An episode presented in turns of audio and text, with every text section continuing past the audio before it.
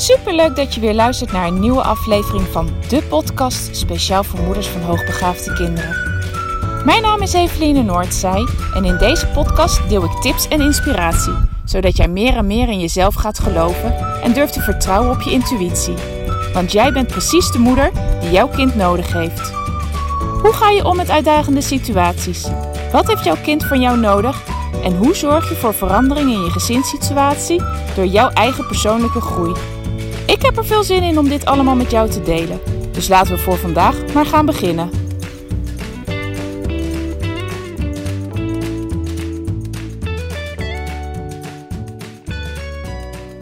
Een nieuwe dag, een nieuwe podcast. Hallo lieve luisteraar. Leuk dat je er weer bij bent. Ik loop momenteel weer langs de kust. We zitten nog steeds op de camping in Dubrovnik. Het is nu eh, vrijdagochtend. En ik uh, heb vandaag weer besloten om vroeg mijn bed uit te gaan en even lekker mijn ochtendwandeling te doen. De afgelopen twee dagen niet gedaan. En uh, nou ja, ik zeg het al vaker, ik merk dan gewoon aan mezelf dat ik het mis. En gedurende de dag gaat dat nog vaak wel heel goed. Maar aan het eind van de middag ben ik alles en iedereen dan zat. En dat heb ik vele malen minder op het moment dat ik s'morgens al even lekker de tijd voor mezelf heb genomen. Dus dat ga ik uh, nu ook weer lekker doen. Ik neem nu eerst deze podcast op. Deze komt maandag online te staan. En nou, voor degenen die het heel erg leuk vinden om te volgen wat we precies hier allemaal doen. Gisteren zijn we met de bus weer richting de oude stad van Dubrovnik gegaan. Het was niet de bedoeling om de oude stad op zich weer in te gaan. Maar vlakbij de oude stad heb je een gondel die je naar boven brengt op een heuvelberg. Uh, ik weet eigenlijk niet zo goed wat het is, een heuvel of een berg. Maar nou, maakt niet zoveel uit. In ieder geval hoog. Zodat je prachtige uitzichten hebt over de baai. En over de oude stad Dubrovnik. De oude stad van Dubrovnik. Want Dubrovnik is natuurlijk veel groter dan alleen de oude stad. En het was de bedoeling dat als we eenmaal daarboven waren, dat we ook nog een, uh, een, een uh, wandeling zouden maken van twee kilometer richting een fort. En in dat fort zit een museum. Dat gaat over de Joegoslavië-oorlog van begin jaren 90. En die, uh, die wilde ik ook heel graag bekijken. En dan zouden we de twee kilometer weer teruglopen. En vervolgens zouden we met de kabelbaan weer naar beneden gaan. En s'morgens zei ik al tegen mijn man, er staat best wel veel wind.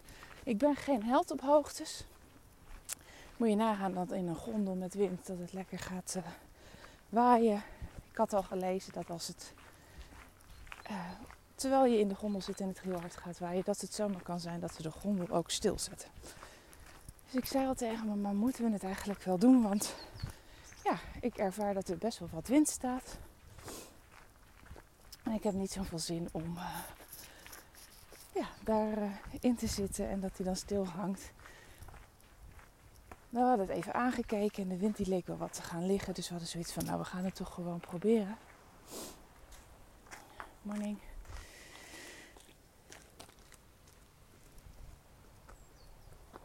En op het moment uh, dat wij daar waren, met de bus, even nog een stuk door de oude stad gelopen. Daarna en we kwamen aan bij de, bij de gondel.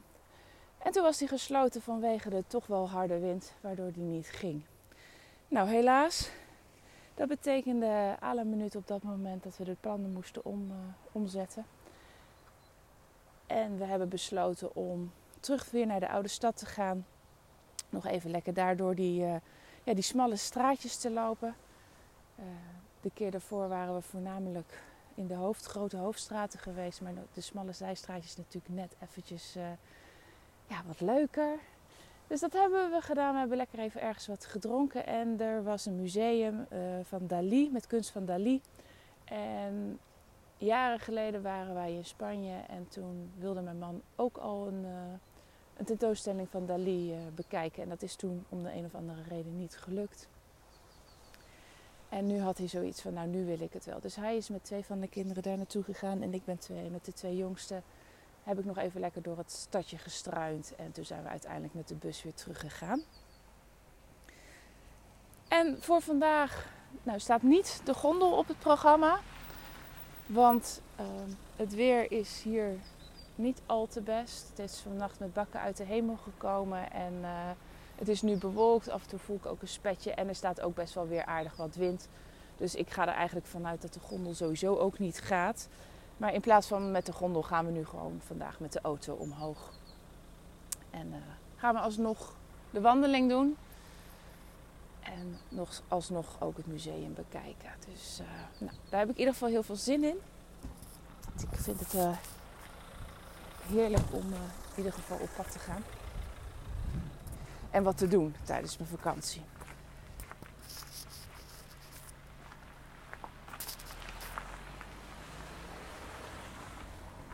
Nou, zo, tot zover in ieder geval over, uh, over onze reis. En dan waar ik het vandaag met jou over wil hebben is wat er gebeurt op het moment dat jij besluit dat je bepaalde dingen wil veranderen. En ik, ik spits het weer toe op je gezin, in, in het contact, in de, in de benadering van je hoogbegaafde kind. Maar dit geldt op, ja, dit is eigenlijk, gebeurt op eigenlijk een heleboel vlakken. En dat, dit onderwerp kwam eigenlijk ter sprake gisteren tijdens een telefoongesprek uh, met, uh, met iemand. En uh, hij gaf aan van ik heb echt wel inzicht. Hè? ik weet dat mijn kinderen mij spiegelen. Ik weet eigenlijk ook wat het betekent. Ik weet waar ik wat te doen heb. Ik heb ook al een aantal dingen in gang gezet.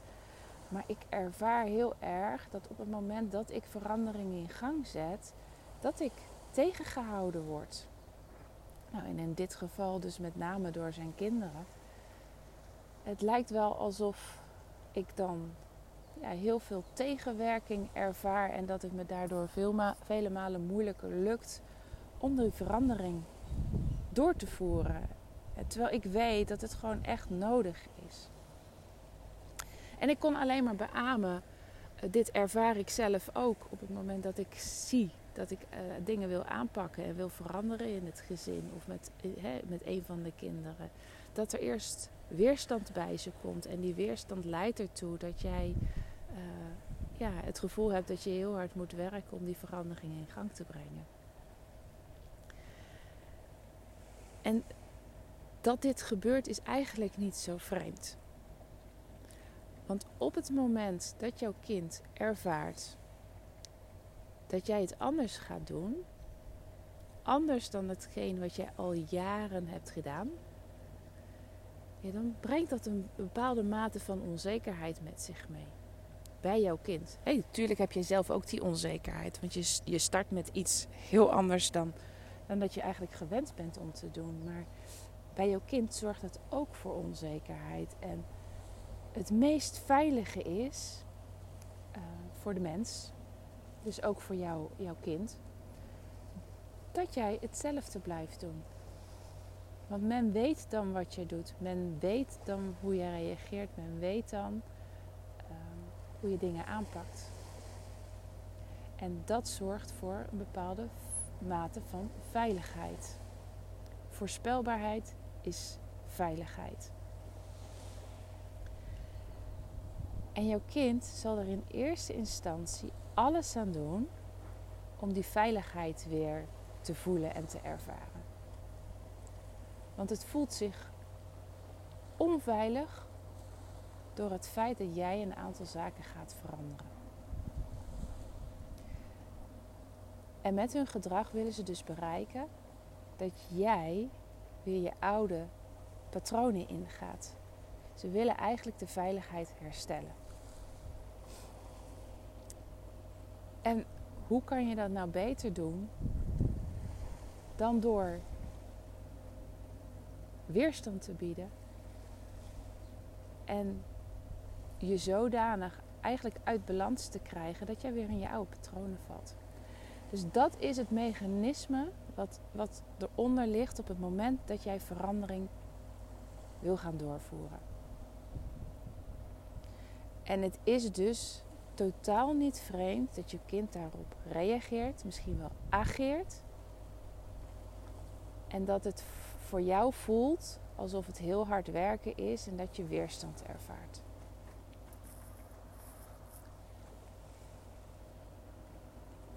Nou vind ik, en dat meen ik oprecht, ik vind dat het opvoeden van je kinderen, of in dit geval van je hoogbegaafde kinderen, dat dat, dat niet hard werken hoeft te zijn.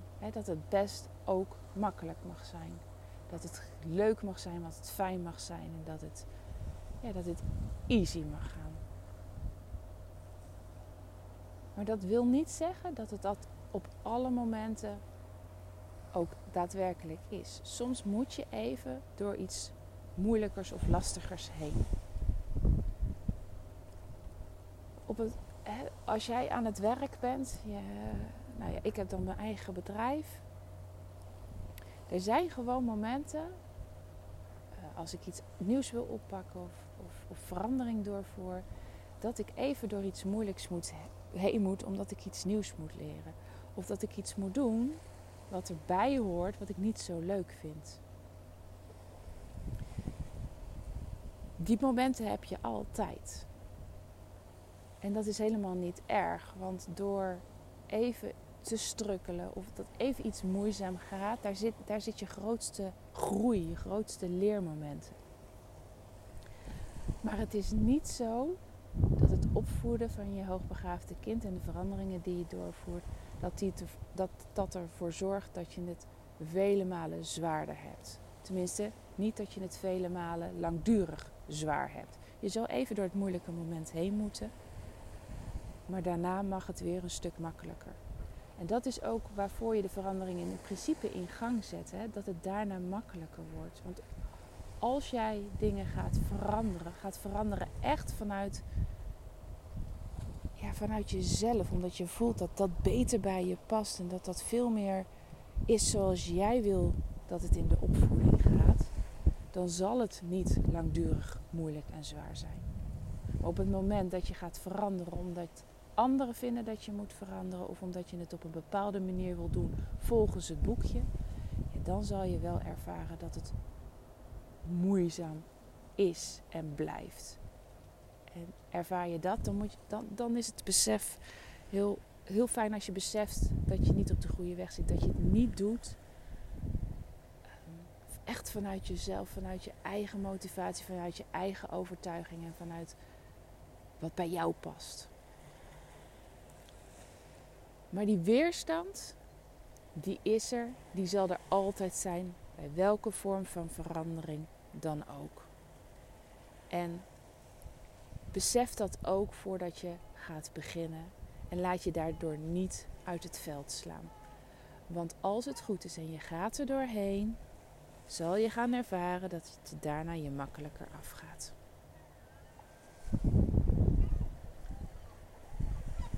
En als je een proces als deze ingaat. En je zal daar de weerstand waarschijnlijk niet mee helemaal mee, mee wegkrijgen. Maar wat je zou kunnen doen om uh, te proberen de weerstand in ieder geval minder groot te krijgen. ja, uh, dat die weerstand minder groot is.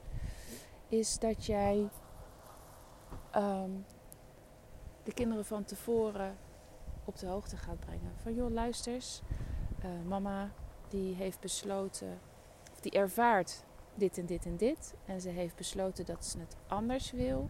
En die verandering houdt dit en dit en dit in. Dat, dat zou je nog als tussenstap kunnen, ja, kunnen nemen. Zodat je in ieder geval al de kinderen voorbereidt op de verandering die gaat komen. En mogelijk dat dat ertoe leidt eh, dat ze niet overvallen worden en dat ze zich ook wat veiliger blijven voelen, ook al zet je bepaalde veranderingen in gang. Ja, nou, dit is wat ik je vandaag mee wilde geven. Ik weet dat het niet altijd even makkelijk is, maar nogmaals, de verandering tegenstand, de, de weerstand die je ervaart, hoeft niet lang te duren. Mits het maar echt bij je past. En dat wil ik je echt op het hart drukken vandaag. Dat is hopelijk wat, wat je ook kan horen. Ga veranderingen doorvoeren die jij echt van binnen voelt dat het goede stappen zijn. Dat het jou vooruit helpt, dat het de kinderen vooruit helpt. En laat je niet leiden door alles wat moet of door mensen die bepaalde opvattingen hebben. En probeer daar dan niet te strak aan vast te houden. Die opvattingen kan je gebruiken als leidraad, maar ja, speel daarmee, zou ik zeggen. Ik ga het hierbij laten. Ik uh, loop nog even verder. En dan uh, ja, spreek ik je morgen weer. Fijne dag. Doei doei.